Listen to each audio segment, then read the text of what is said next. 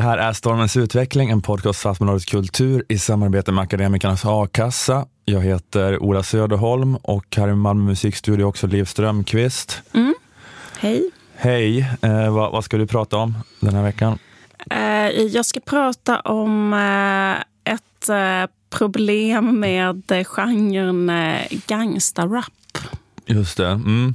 Musikgenren. det har debatterats Mm. För någon... eh, Förra veckan. Förra veckan, ja. Mm. Mer om det senare då. Mm. Eh, Jag, eh, jag har fått lite uppmärksamhet i en lokaltidning i Göteborg. Eh, Göteborgs-Postens kulturchef Björn Werner i en text med rubriken Statskupp eller inte, spelar det någon roll? Eh, Där menade han på att jag lagt min energi på att argumentera ordval efter händelserna med stormningen av kongressen i USA. Mhm. Detta är något som har hänt på Twitter. Att de har stormat kongressen i USA. Ja, det kan, på, sätt och vis, på sätt och vis kan man ju se det som ett väldigt performativt politiskt, eh, politiskt event som kanske enligt vissa handlade mycket om att ta över Twitter i första hand, snarare än att ta över den lagstiftande makten i USA. Men ja, det är precis det jag har gjort. Ja, exakt. Jag har begått mitt brott på Twitter, ja. Precis. Mm. Eller det jag anklagas för Mm har jag gjort på Twitter. Eh, jag kan, eh, jag kan läsa lite vad han skriver här, Björn Werner. Eh, dagens samhälle gör det lätt att bete sig som åskådare snarare än deltagare. Kanske mer än någonsin under pandemins isolering. I våra små varma lägenheter tittar vi på världen insvepta i blåblekt ljus från miljoner och åter miljoner små skärmar. Men när historien rullar in över oss, som den förra veckan gjorde när den amerikanska demokratins centrum Kapitolium stormades av högerextrema demonstranter, påhejade av den avgående presidenten. Då går det inte längre att förhålla sig på det viset. Var och en måste i ett sånt läge inse att det man gör och säger är en del av historieutvecklingen. I Sverige gäller det inte minst hur händelsen tas emot, om vi väljer att se allvaret eller spela ner det. När stora svenska opinionsbildare som högens Ivar Arpi gör det senare. När han på Twitter argumenterar mot de som kallar det för en statskupp. Ingen, absolut ingen kan tro att detta leder till att några arga 20-åriga killar i mjukisbyxor som tar selfies snart tar makten i USA. Då spelar det, då spelar det roll. På samma sätt spelar det roll när vänsterprofilen eh, Ola Söderholm menar att det är ett så himla märkligt kuppförsök när kuppmakarna tar sig in i parlamentsbyggnaden men inte vet vad de ska göra, irrar runt planlöst och tar selfies och ledaren för kupp, kuppen uppmanar dem att sluta och gå hem. Eh, slutcitat. Eh, alltså nu, om vi ska kunna bevara demokratin så måste alla tycka beskriva den här händelsen på exakt samma sätt. Det är det, det enda sättet att, eh, att liberal demokrati ska kunna fortsätta finnas, eller? Mm. Om inte alla beskriver om inte alla beskriver det exakt likadant. Om, om, om, det, om det förekommer en pytteliten debatt, en minimal debatt i Sverige Mm. om det förekommer en pytteliten debatt om hur, hur det här skulle kunna tolkas och beskrivas där det kan finnas ett litet, pyttelitet spektrum av tolkningar så är det det är, att avskaffa det är demokratin. det, det är, väl- att avskaffa Det är väl den ja precis, det är precis. Men ja, exakt. Jo, men det är, väl kanske, det, är väl, det är väl kanske det som är den nya tolkningen av liberal demokrati som kommer ur den auktoritära liberalismen då, som med alla utrensningar också då från techplattformarna. Mm. Att alla, alla jublar över att vi får ha Mark Zuckerberg och han Twitter-gubben, vad nu han heter, att de får vara våra Caesars som, som bevarar liberala demokratier åt oss. Precis. Men eh, Exakt. Exakt. Ehm, ja, eh, precis. Jag valde, men jag valde att spela ner allvaret, tolkar han det som. Eh, och det var då farligt för att det liksom, ja men det var då att det var beväpnade människor som då kan ha varit redo att begå terrorbrott mot, eh, i massa som trängde in. Eh, Liksom, och det var, ja, det var ju också våldsamt. Eh, fem pers dog eh, i olika typer av sammanstötningar eh, och trängsel, eh, olyckor. Och, och också då för att i Sverige finns Sverigedemokraterna sprungna ur fascismen med företrädare som förra året ville ge fredspriset till Trump. Citat, att som stor opinionsbildare lägga sin kraft och energi på att argumentera ordval innebär därför medvetet eller inte att tona ner det överhängande hotet mot den liberala demokratin även här. Så, ja, men så, ja, precis, så jag undergrävde den liberala demokratin. Eh, ja, men liksom, ja, men också så här, liksom på allvar så är det också dels så att bli tweetet tagen helt ur sitt sammanhang. Alltså Jag ställde en fråga apropå en tweet av Expressens kulturredaktör Jens Liljestrand som eh, skrev att han skrev att allt talar för att mjukisbyxorna Eh, och, och mjukisbyxorna, alltså det då, för folk som inte är på Twitter, det blev liksom det ironiska tillmälet för de som eh, stormade Kapitolium. På Twitter blev det liksom, alltså, och det var allt var som en pik mot Ivar Arpi. För att han då hade, ja men det var det Björn Werner sa, att han hade beskrivit dem som killar i mjukisbyxor.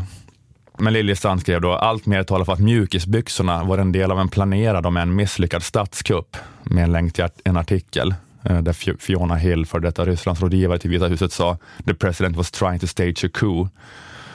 Ja, och jag sa då, var, quote tweetade den tweeten och, som, och, och skrev, ja, jag skrev till och med den här ödmjuka inledningen som Bj- Björn Werner tog bort. Jag skrev så här, menar inte att vara insinuant, men har uppriktigt svårt att förstå. Det är ju ett så himla märkligt kuppförsök när kuppmakarna tar sig in i parlamentsbyggnaden, men inte vet vad de ska göra, irra runt planet och ta selfies och ledaren för kuppen och uppmanar dem att sluta och gå hem. Slutcitat. Och det var det då att jag ställde en fråga liksom, om det fanns skäl att tro att det var en del av Trumps direkta plan och order att kongressen skulle intas av mobben som en del av en statskupp. Alltså att givet då hur hela situationen såg ut att fortlöpa, och jag menar det kan, det kommer säkert, kan säkert komma fram ny information, men i alla fall som det såg ut så var det så, då, så att Trump först håller det här talet för sina anhängare och pratar liksom om att det är så stöld och fusk med valet. Och han liksom eh, Alltså han ger ju liksom inte så här, eh, direkt uppmaning till våld då.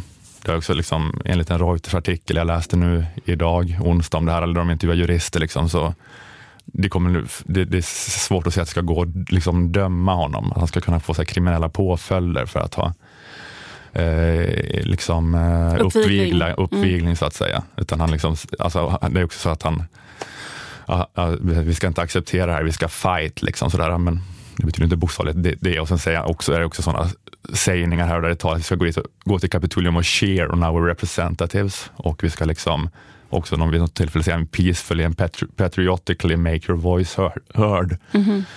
Så att det liksom kommer att eh, ja, det, det kommer vara så uppförsbacke liksom och, alltså om man så liksom juridiskt ska, ska få till det liksom. Eh, att han har uppvilat. Men han håller det talet och, prat, men, och pratar liksom om stöld och fusk med valet. Och eh, jag menar, han ger då åtminstone inte en direkt uppmaning till våld, utan han Nej. säger vi är här för att cheer on our representatives. Och den här då brokiga skaran, den liksom massan, mobben tar sig in. Och, då, och Trump uppmanar dem då att så här, sluta och gå hem i en ny video han lägger upp. Och så förvirrad video, de pratar om att han älskar dem, men att de måste sluta och gå hem nu. Och, jag menar, och det är ingen som vill friskriva Trump från skuld för att stormningen uppstod, Nej. för att hela situationen uppstod. Men det är väl bara en viss skillnad på hur man ska förstå en händelse. Alltså om det är en planerad stormning, centralt planerad på direkt uppmaning av en president som en del av en statskupp, eller om det är en president som är för förvirrad och korkad för att förstå exakt vilken situation han skapar. Liksom. Precis, och eh, hur pass... Eh, alltså om det är en staged, väldigt planerad kupp Mm. så är den ju inte så bra genomförd, ska man säga då. Det- Om den var planerad och... eh, Alltså det, det, ja, men precis, men det handlar mer om så här, ser det ut som ett mer slumpartad händelseutveckling som naturligtvis är... Ganska väntad med Ja. tanke på Trumps beteende de senaste månaderna. Precis. Men, ja. Och som är också såklart um, skapad av hela hans um, tolkning av valresultatet och hit och dit och hela den här gruppen som har formats kring honom och hans personkult och Mm, den här kärleksrelationen mellan honom och dem och så. mm, precis. Och eh, ja, precis. Ja, är, Men men, är det så det, som eh, eh, det var när eh, eh, Pinochet tog över i Chile? mm, nej, precis. Var det också så då att han eh, hade Qanon-brigaden på andra sidan i Pentagon. Qanon, exakt. Precis. Ehm, men då... ehm, nu är då inte rätt tid och plats att ens diskutera skillnader, gradskillnader eller eh, hur, hur händelser ehm, av den här arten kan skilja sig åt och hur kan de likna varandra och sånt. Utan Ja, man ska eller- bara eller- säga att det är en kupp. Eller det är ett, ja, precis. ja, Man ska bara man måste säga att det är en militärkupp. Ja, och sen, Eller och sen, en, eh, ja, precis, och sen så, är, och sen så också liksom då, eh, En terrorist... Ja. och det är inte heller tid och plats, man får inte heller då ställa en fråga. Jag menar, här, ja, men exakt hur menar du? För att det är lite då konstigt kanske utifrån det andra tänker, när man tänker militärkupp. Så här, ah, Okej, du menar kanske kupp på något annat sätt, men det, det är liksom inte tillåtet att ha den så diskussionen om vad, det, vad, menar, vad menar vi med statskupp Ja. i det här fallet, om det är det vi menar. Eh, det blir liksom eh, det, det är hotet här, mot liberala ja, demokratin. Ja, men för det är också med, eh, apropå den här liksom statskuppbenämningen då, att de hade ett reportage om det i Godmorgonvärlden där de intervjuade olika forskare, liksom, statsvetare och så. Och de, alltså de flesta ville inte använda den definitionen eftersom att den klassiska definitionen av statskupp eller statskuppförsök är att det krävs att så militära eller paramilitära grupper deltagit i en organiserad planering för att det ska kallas för kupp eller kuppförsök. Ja, men och, och eh, det var någon som sa att den här stormningen kanske såg ut som ett kuppförsök, men det var liksom bara på ett ytligt plan, för liksom ingen av upprorsmakarna trodde att de skulle ta makten, eh, var det en som sa där. Och att, och att, och att, det hade ju noll utsikter att lyckas, såklart. Sedan, eh, sedan var det en av de medverkande statsvetarna, Sofia Näsström, som ville kalla det för ett slags försök till statskupp.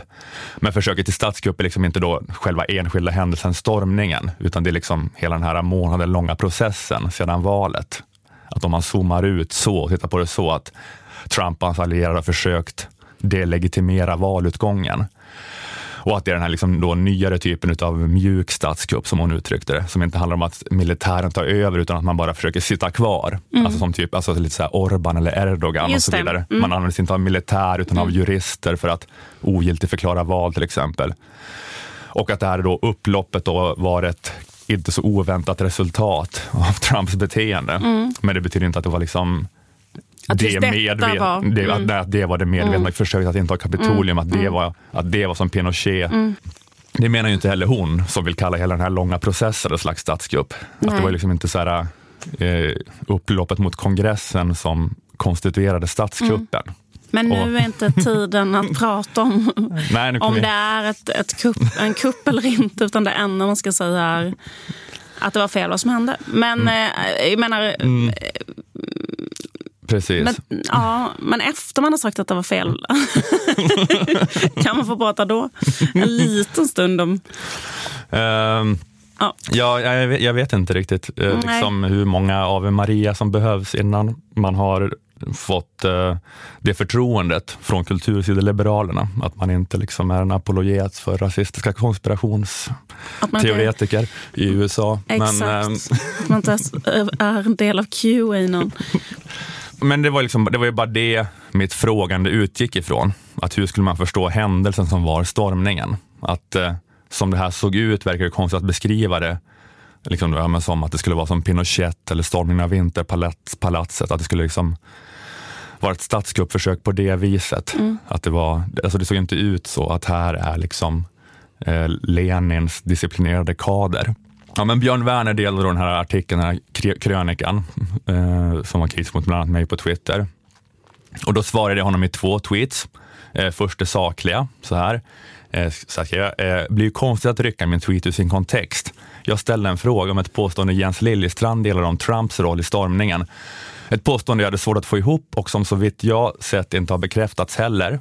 Det var den första tweeten och sen så Eh, och sen eh, la jag till en andra tweet eh, så här. Men förlåt, ska framöver inte delta i diskussioner som försöker bena ut händelser. Ska bara twittra idag är vi alla amerikaner och lägga upp selfies där jag gör honör. Och, och då svarade Björn Werner på det här. Han svarade så här. Nej, det hoppas jag verkligen inte. De har ju precis valt en president som är en bra bit högre om nya Moderaterna, så det är väl inget att hissa flagg för. Säger bara att ibland har DN-liberalerna rätt. Punkt, punkt, punkt. Och Red Scare fel. Ja. Det kan man väl verkligen beskriva som eh, varken smart eller roligt. Ska skrev du det? Det där var varken smart eller roligt. Jag, bara lät det, jag, jag faktiskt bara lät det hänga. Jag tänkte att det här får hägga. Det här får, vis, det här får vara... Du får bara Du får vis, visa det själv. får vara utan titel. Det här. Jag tyckte det var, det var undermåligt både som argument och som hån av Björn Werner. Eh, och ehm, eh, så vill jag väldigt gärna lyfta fram det här då. Eh, väldigt viktigt nu här när jag ska sätta alla mina scores om olika olika oförrätter på Twitter jag upplevt Ja. senaste veckan. Ja. Att den här då extremt trötta Red Scare-ägningen, den fick två likes. Två pitty likes på den. mitt, min, mitt eh, jag ska bara lägga upp selfies där jag gör honör-reply. 61 likes. Boom! Du vann. 61-2. Vad säger du nu Björn Werner? Du som gillar demokrati så mycket. Folket har talat. Ska kanske sägas då att det i och för sig kanske inte är Liberalernas idé om demokrati, men det är folkväldet. Det är kanske mer då att någon EU-domstol ska döma till Björn Werners fördel. Jag vet inte. Nej, men det, är, ja, men men det har varit så då i kölvattnet av den här kongressstormningen, eh, att det liksom man har upplevt nivåer av folkpartistisk emotionell utpressning man knappt har varit med om sedan 9-11. Nej. Skulle jag säga. Man måste böla tydligen. Alla på svenska Twitter måste bete sig som att de har en officiell roll i amerikansk politik och göra kommunikéer om att man tar avstånd Enda från avskyvärda att- våldshandlingar mot amerikanska kongressen. Enda sättet att bekämpa fascismen är att eh, gråta. Nej, men det är ju det att har kastat ut Trump från Twitter nu och det är att det är allmänna utrensningar av typ högerextremistkonton. Så jag önskar verkligen att jag kunde ryka också. Alltså om jag kunde få bli avstängd från Twitter för att jag har failat kulturliberalernas fascisttest. att jag bara kunde så, hej Ola, admin här. Vi ser att du inte delat Arnold Schwarzeneggers video där han förklarar att den amerikanska demokratin är lika stark som Conans svärd. Sista varningen. Dela inom 24 timmar. Annars blir du permanent bannad. Uh, men det hade varit skönt att bli avstängd. Alltså fy fan vilket fängelse där. Fan vad klaustrofobiskt där. Men det var också det här då att det blev diskussion eh, om det här, eh, när det blev diskussion om det här angående Björn Werners artikel, då hoppade också Jens Liljestrand in. Alltså, min, eh, mitt quote-tweetande av Jens Liljestrand var ju två, tre dagar innan Just den här det. krönikan publicerades. Men så hoppade Jens Liljestrand in igen och påpekade att jag där då ett par dagar tidigare i min förgripliga ökända tweet skrivit att de som intog Kapitolium irrade runt planlöst och tog selfies. Du skrev att folk gick runt planlöst och tog selfies, trots massor av information som tyder på annat. Anmärkningsvärt. Ja, men jag menar att det är massor av information och bilder som, tyder att, som liksom visar att de irrade runt och tog selfies också. Alltså, du vet, Särskilt på de första bilderna som delades av händelsen då. Ja, men att det var liksom där, det var förvirrade panschisar, det var något, den här liksom konstiga barbarmaskeraden med killar i pälsar och hornhjälmar som liksom så här, äh, går in och tar souvenirer i Nancy Pelosis kontor, står i mm, talarstolen. Sedan var det också då som det visade sig liksom bland de som trängde in människor liksom med så här vapen och buntband som eventuellt hade, hade varit redo att liksom begå grova terrorbrott om man inte hade hunnit evakuera undan kongressledamöterna därifrån. Och att det då har liksom framkommit att det varit så diskussioner liksom då på högerextremistforum om, så här, om vad man skulle så här, göra vid Kapitolium. Men, men, men att det är ändå liksom så skillnad på då, eh, så här, om så här, konspirationsdårar håller på och planerar i sina forum jämfört med liksom om det presidenten har centralplanerat det och toppstyrt det så att säga. Eh, men, menar, men poängen var liksom inte att påstå att det var trivialt eller harmlöst, utan Nej. poängen var att givet hur det såg ut med den brokiga massan, alltså var det lite svårt att se liksom, eh, men så här, var det här centralt planerat och toppstyrt på det här viset. Men, Som jag sagt tidigare, att, liksom att, det var, att det inte var en enskild massa med ett enskilt syfte, utan liksom att det var att det här ser verkligen ut som något så här crowdsourcat, decentraliserat upplopp, liksom, event. Och, jag menar, och Det kan ju också vara intressant att uppmärksamma, alltså just om man vill ha den här diskussionen om vad hände, att det kan vara intressant att uppmärksamma om man vill förstå vad det här är. Ja. Att hur det här liksom är ett sånt modernt, liksom, online organiserat protestuppror. Om en, liksom en extra mörk version av det. Alltså för det känns liksom också som ett problem med hela den här lib-hysterin i diskussionen kring den här händelsen, att man kräver bara lydnad om att man ska kalla saker för sitt rätta namn och, liksom, och ivern att här, pressa in det i hela sitt föredragna na- narrativ, att allt det gör att det blir svårare att liksom, förstå den här specifika händelsen. Också Att- så här, innan någonting är utrett eller någonting så är det så här, nu ska skrika liksom en timme efter det har hänt så ska jag berätta att det här var en militär eller att det var en statskupp. Och då blir man så här, kan vi eh, få läsa några artiklar och titta lite och eh, ja, Ja. Eh, precis. Ja men verkligen. Ja men precis. Och vad är det som är eh, specifikt? Ja, men det är rätt, ja precis, det är jävligt intressant för det känns som att det är liksom eh, the dark version av det som hände på Tahrirtorget. Nej, men typ att när man eh, har liksom i eh, om, om de eh, upproren om ska säga, organiserades på Facebook så har det här eh, spridits på, i en sån eh, eh, mer eh, eh, mörk avkrok av internet. Och, men det är samma typ av grej då, att man har suttit i en, i en, eh, i en sån stängd bubbla och vad heter det, inspirerat varandra till det här. Ja, precis. Att man liksom, ja, jag menar, det är ju en sån här kategori av, av det här, liksom, det här decentraliserade, online-organiserade, liksom, alltså vad den pratar om, gula västarna, Antifa, Black Lives Matter. Jag menar att det är så här, den här moderna kategorin utav liksom, eh, eh, proteströrelser som eh, har den här liksom, eh, decentraliserade, liksom, crowdsourcade karaktären. Eh, men just att den är ivern att pressa in det hela sitt föredragande narrativ, att allt det kan göra att det blir svårt att förstå just det, den här specifika händelsen, att det här, jag menar att det, här, det här är en statskupp, punkt. Så här, man ska kalla saker sitt rätta namn. Så här, ja, men, liksom, men, men hur menar du Ja, Jag vet inte, att man inte, Ja. inte kan ställa en fråga om det. Eller, och, och, och, och, också en annan grej, att man så här, någon gång skulle kunna leka med tanken att det bästa sättet att förstå en händelse inte är att dra in Tyskland på 30-talet, vilket såklart liksom då görs i parti och minut nu. Det kanske inte alltid är så att Tyskland på 30-talet är det som bäst kastar ljus på ett skeende. Och det kan gälla även ett fruktansvärt skeende, alltså som är gravt omstörtande och kanske kan, kan leda till massa död och lidande. Det behöver ändå inte vara Tyskland på 30-talet som är bästa sättet att förstå det, för det kanske är ett väldigt specifikt, modernt, samtida fenomen.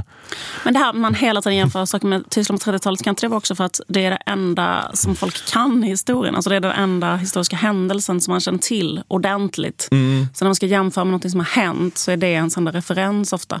Ja, det, det, Som det, nu var det ju väldigt många som sa så här, till exempel att Hitler försökte göra en kupp, ja, en misslyckad kupp. Och sen tio år senare, se vad som hände. Sen fick vi Nazityskland och det skulle kunna hända nu, till exempel efter detta. För att det hände en gång då i historien. Det är, Ehm. ja, det, det är det enda man kan få liksom brett, den enda historiska liknelsen man, man kan få brett gehör för. För att eh, om du säger att det är liksom som någon slags eh, upplopp på 1890-talet så är det för få som har hört talas om det. liksom. Precis, exakt. Det blir inget drag i det om man säger något annat. Nej, jag men jag tänkte lite på Att det är ett specifikt modernt fenomen, snackar du om. Ja. Ja, precis. Att, eller jag menar, ja, eh, ja, ja, precis. Att det, är liksom, det skulle kunna vara en grej man diskuterar. Liksom. att, eh, ja, men jag tänkte lite grann på Mar- Martin, Martin Guri som jag pratade om i avsnitt 64. Eh, avsnitt jag gjorde med Jonathan, men att han att det var den här amerikanska gubben som har jobbat som medieanalytiker på CIA och han skrev 2014 en bok som heter The, Revo- The Revolt of the Public som gav honom då, som har liksom gett honom någon slags profetstatus för att han förutspådde Trump, eller han gjorde inte det bokstavligt talat med Nej. personen Trump, men att han förutspådde, eller var, väldigt, eller var tidig att se vår tids specifika kaos då. Och eh, han eh, fokuserar då mycket på media, bara kanske för mycket på media, men liksom hela den här eh, att det blir ett sammanbrott av tro på auktoriteter i och med sociala medier och så vidare. Och att allt så här decentraliseras liksom och att det blir ett helt nytt landskap. Men, men att han pratar om de här utbrotten av sociala medier och organiserade proteströrelser, att de kan uppstå plötsligt. De kan uppstå plötsligt liksom från ingenstans, är det massor av folk på gatorna, men de har ofta den här defekten att de mest bara är förenade kring vad de är emot. Att de har inget eget program, de har ingen så här, tydlig struktur och ledare. Han säger i en intervju med bloggen The Pull Request, eh, lite slarvigt översatt av mig här, så säger han, eh, vad handlar gula västarna ens om? Eller för den delen Antifa. Till skillnad från de olika revolutionära rörelserna i det förflutna, såsom PLO, ETA, IRA, Muslimska brödraskapet, 26 juli-rörelsen etc. Så finns ingen intellektuell stamfader, inget, inget så övertygande sammanhållet formellt politiskt program, ingen organiserad politisk flygel som komplement till den militanta Det finns inte ens a quickly mutating platform used for propaganda. Ja, men inget, inget så officiellt propagandaministerium. Nej.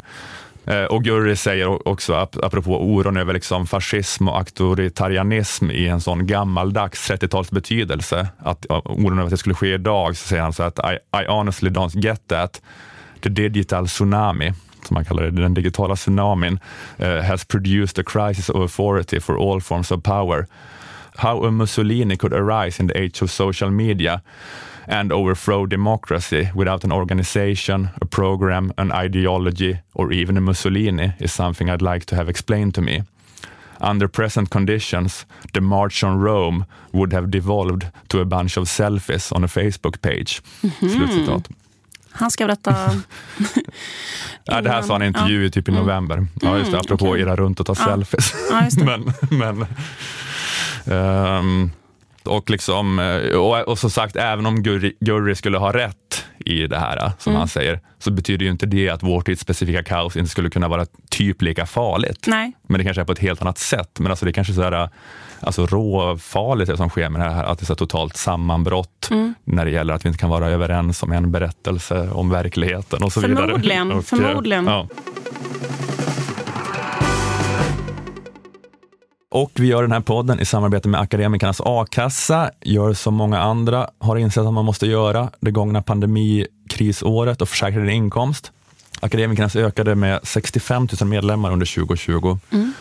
Likt gräshoppor har de flockats till a-kassan när det blivit kris. Mm, nu passar det. Precis. Alltså som i fabeln om gräshoppan och myrorna. Har du hört den? Nej. Gräshoppan som bara spelade och sjöng hela sommaren och vägrade förbereda sig för vintern, som de strävsamma myrorna. Sedan när vintern kom, eh, då svälter och fryser gräshoppan och knackar desperat på dörren till trädet där myrorna håller till.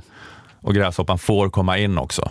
Så det är så. Ja, på, på villkor att han då hjälper till och jobbar med att spela och sjunga för myrorna. Och liksom erkänner att han haft fel och lärt sig en läxa. Mhm. Och så är det här också. Ni är välkomna till Akademikernas a-kassa. Nu också, när det tydligen passar. Men vi hoppas ni har lärt er en läxa och är med och drar ett strå till stacken. Även när det är sommar.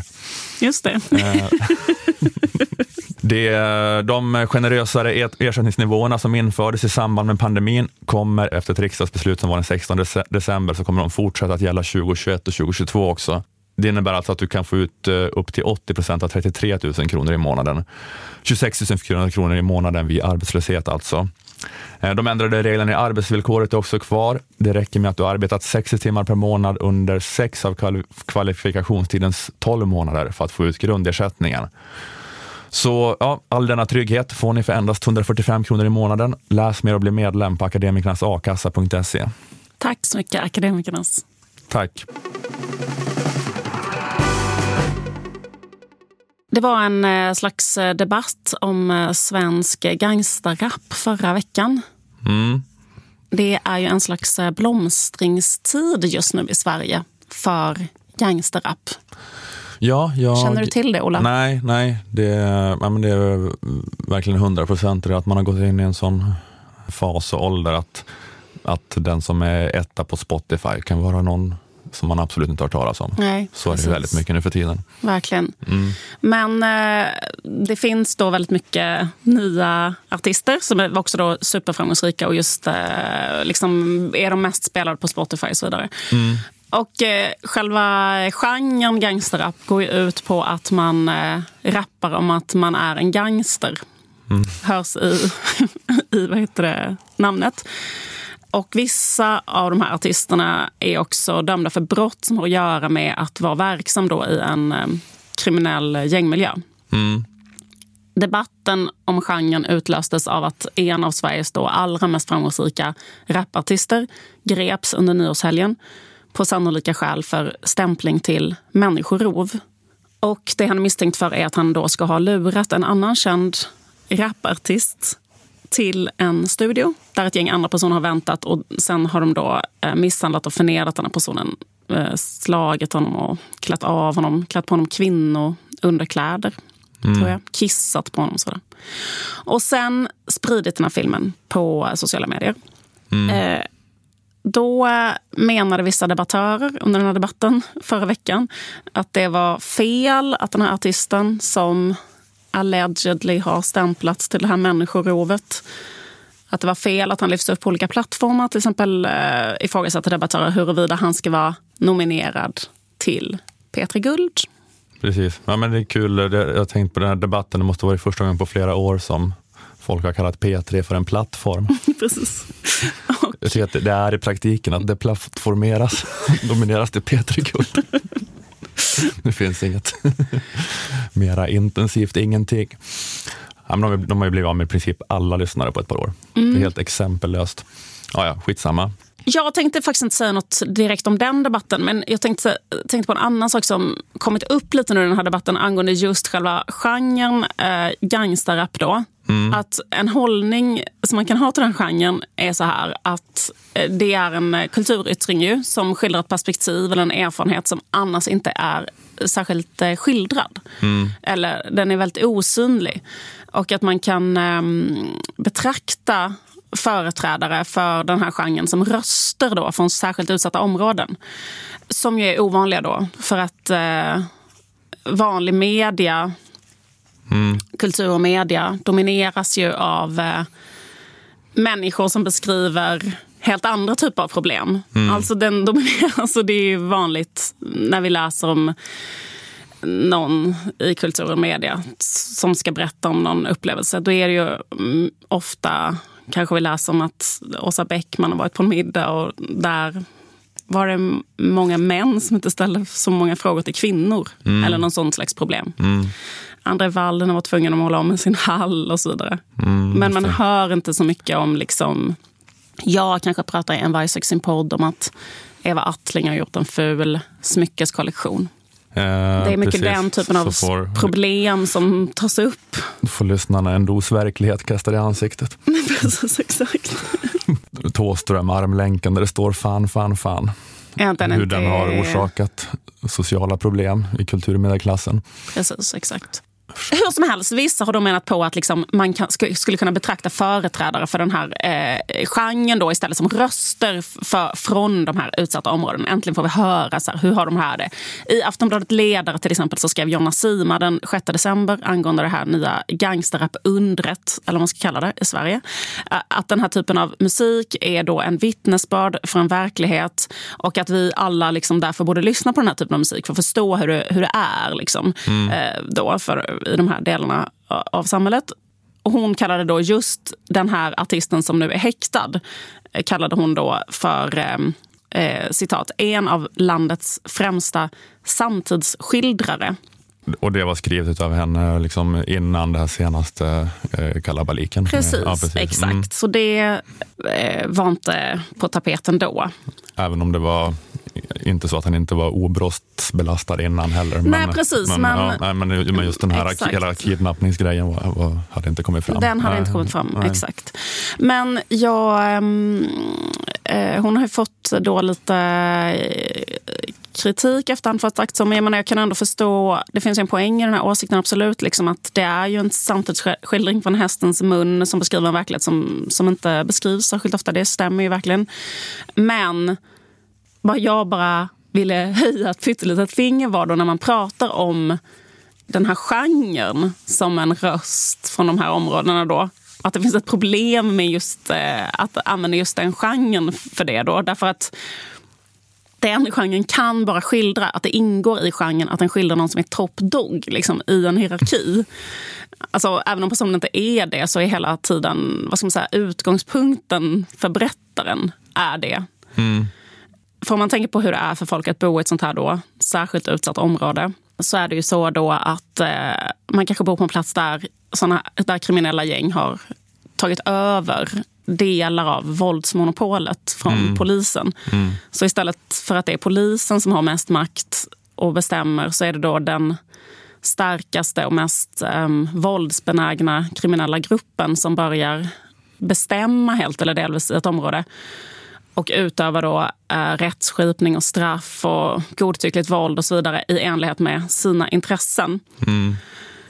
Och eh, det gör ju att för alla andra som bor där som ju ofta är då fast på den platsen på grund av att de är så fattiga så är det ju svårt kanske att flytta. Som är så här bundna till en plats där det råder en otroligt våldsam, godtycklig eh, minidiktatur kan man säga. Och eh, de kanske inte vågar vittna heller då för att då utsätts de för repressalier. De måste, de måste foga sig, eller de måste i alla fall på olika sätt tvingas eh, förhålla sig till de här eh, minidiktatorernas intressen. Mm. Så då finns det en annan erfarenhet som jag skulle säga ännu mindre skildrad. Som är då den här erfarenheten av att man inte är toppdog. Just det. Utan man är då svag i ett sånt område. Precis, finns det? Undrar, jag menar, vi är väl inte heller så experter. Undrar om det finns, fin- kan det finnas sån rap som, liksom är, som skildrar det ungefär som liknande som en skildring av att du vet, leva i DDR eller leva under så stalinism eller under Gestapo eller sånt här. Liksom att, att den liksom, kvävande upplevelsen. Ja, intressant, finns den liksom? Finns den? Det finns förmodligen, bara att jag är för gammal för att känna till den. Men jag tror inte att den finns inom genren gangsterrap. För nu pratar jag om just genren, därför att gen- den genren... Det jag har hört, min begränsade utblick, är då att när man berättar om en händelse så berättar man om den. Mm, Man kan inte berätta till exempel så här. Jag är rädd hela tiden för det finns en massa beväpnade drogpåverkade tonåringar på mitt lokala torg. Alltid när jag går ut är jag lite rädd. just det, precis.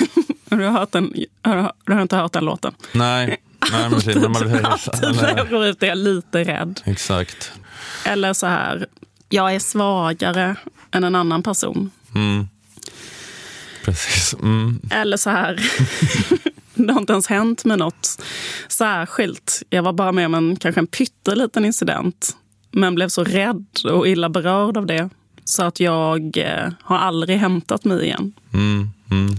Jag används som eh, mjölkko och alla i min släkt har fått sälja sina liksom, bostäder för att jag ska betala av skulder som inte går att betala av till de här sociopaterna i Shottaz som kontrollerar mitt kvarter. Precis. Att det, den äh, låten finns inte. Jag råkade röka upp mitt hasch som jag egentligen skulle sälja. Och nu har mina släktingar fått en handgranat inkastad genom fönstret och eh, ett åttaårigt barn har dött. Och de kanske. måste ändå pantsätta alla sina smycken för att betala av skulden till de som kastade handgranaten. Precis. Mm, Det ja. är väldigt många såna här låtar. Ofta i såna här raplåtar så är det väldigt mycket tjat om mamma. Så här, mamma förlåt. Sebbe Staxet har gjort en som heter Mamma förlåt. Men jag har hört väldigt mycket. Det är väldigt mycket så här, mamma, jag har gjort min mamma ledsen. Var, mamma, det här var inte bra. För jag ångrar mig och så vidare. Men mammans perspektiv Mammans perspektiv eh, är inte, går inte att skildra inom den här genren. Mammans perspektiv kanske hade varit så här. Varför har ingen låst in tramadolförsäljarna på min gård som gjorde mitt 12-åriga barn till missbrukare? Mm, mm. Varför fick de stå där och eh, sälja? Så Just att eh, jag inte har haft någon möjlighet att hindra mitt barn från att bli pundare. Mm. Det är ett perspektiv, menar jag, då Mm. såklart. Jag vet inte heller hur det är, eftersom jag hör inte heller de här rösterna. Mm. Men jag kan ju föreställa mig att det är en känsla som kan finnas.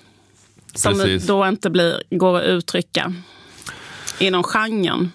I alla fall, inom denna genren. Nej, men jag menar att det är en känsla som finns, är ju ganska uppenbart. Till exempel om man jag inte, jag läser Lasse Wierups Gangsterparadiset. Ja, men det, det, men det, det, det finns ju något med det som ändå är liksom då...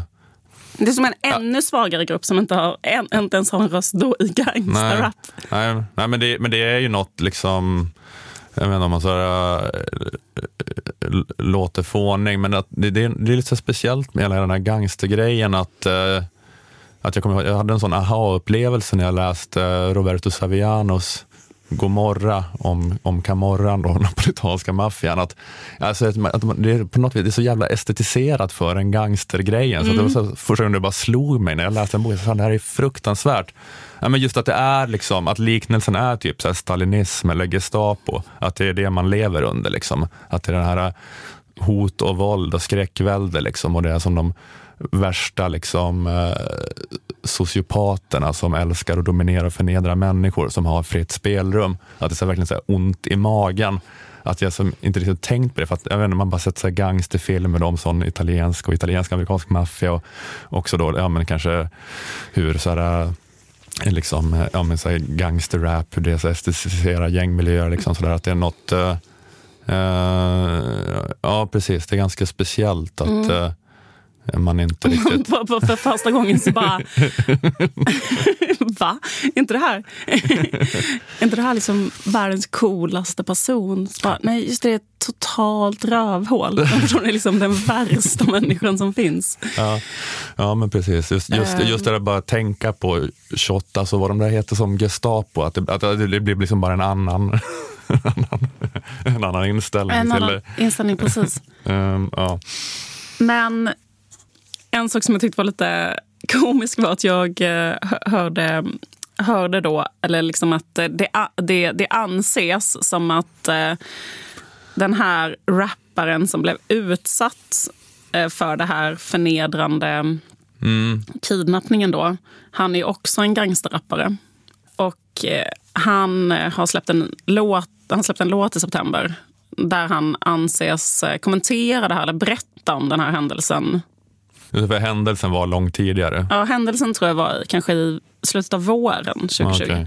Men det var nu här för en, ett par veckor sedan som den här eh, kända artisten blev gripen för den händelsen. Då. Precis, han blev gripen för den och den här artisten som blev utsatt, han är ju också då verksam inom genren och eh, har inte velat eh, vittna till exempel. och så. Han har samma vad heter det, moral som är att man inte ska berätta såna här saker för polisen och så. Eftersom han då är verksam i samma genre. I alla fall, han anses eh, ha kommenterat den här kidnappningen i en låt. och eh, så han har ju då blivit kidnappad, han har blivit förnedrad och så vidare. Men jag menar då att hans genre, liksom genren som han verkar i förbjuder honom att skildra den här händelsen ur ett brottsofferperspektiv. Eh, Så han, när han ska berätta vad som har hänt, när han liksom ska beskriva det här som har hänt, så kan han inte beskriva det så här då. Så när han rappar om det här eh, som han har blivit utsatt för, eh, han har ju då blivit gravt förnedrad och så vidare, misshandel, spöd, allting. Men när han ska berätta vad som har hänt så berättar han det så här. Alla som snackar skit, ni vet själv att jag är man. Om man klarar av något sånt är man långt ifrån en fjant. Jag står ändå kvar. Jag är lejon. Du är lamm. Mhm. Eh, ja, precis. Så det, det, det, det, det jag menade var att liksom, eh, här kan man se då ett exempel på det att eh, om man vill se gangsterrap som en röst från förorten så, så vill man, det är, som det är, ju är absolut att berätta en, en, en skildring av verkligheten. Men då att man liksom måste hålla lite i bakhuvudet att det finns en annan ehm, sida av det här då, som inte kan, kan skildras i just den här genren. Ehm, alltså han, kan, den här, det här brottsoffret då, kan inte skriva då Ja, nu har jag trauma som aldrig kommer gå över. Nej, men det här knäckte nog mig. Liksom. Det här, eller så. Eh, det är, eller liksom det här... ehm, det här kanske ändå gör att jag kommer vara rädd nästan alltid. Och det kommer kanske inte gå över tills liksom jag dör. Att det här, liksom att det här kunde hända. Eller vet inte.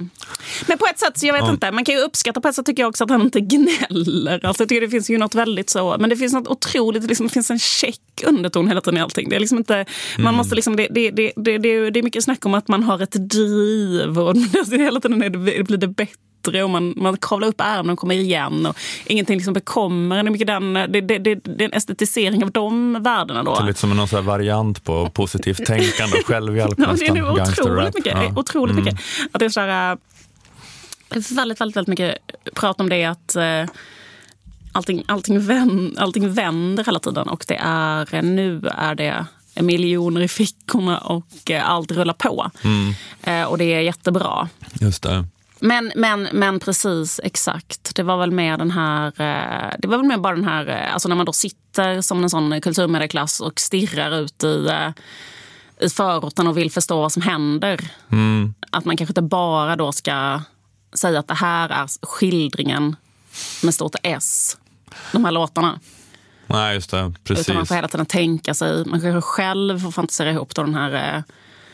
Om någon, om någon rappar så här, jag går runt med min Glock, så kanske man får tänka, och bredvid går förbi någon som eh, har fått en eh, vad heter det, spännings... Eh, någon sp- spänningsproblematik i axlarna för att de alltid går runt och är eh, lite rädda när de går omkring i sitt grannskap. Ja, det, det, Och blir, det blir mycket skildring av att ha Glock och, Ja, och, och lite skildring av att Inte uppleva att andra, upplevelsen av att andra har Ja, Glock. exakt. Precis. Och, så här, och hur länge efteråt man, man är rädd av att bara en väldigt liten grej har hänt. Mm. Det är väl inte så... ehm,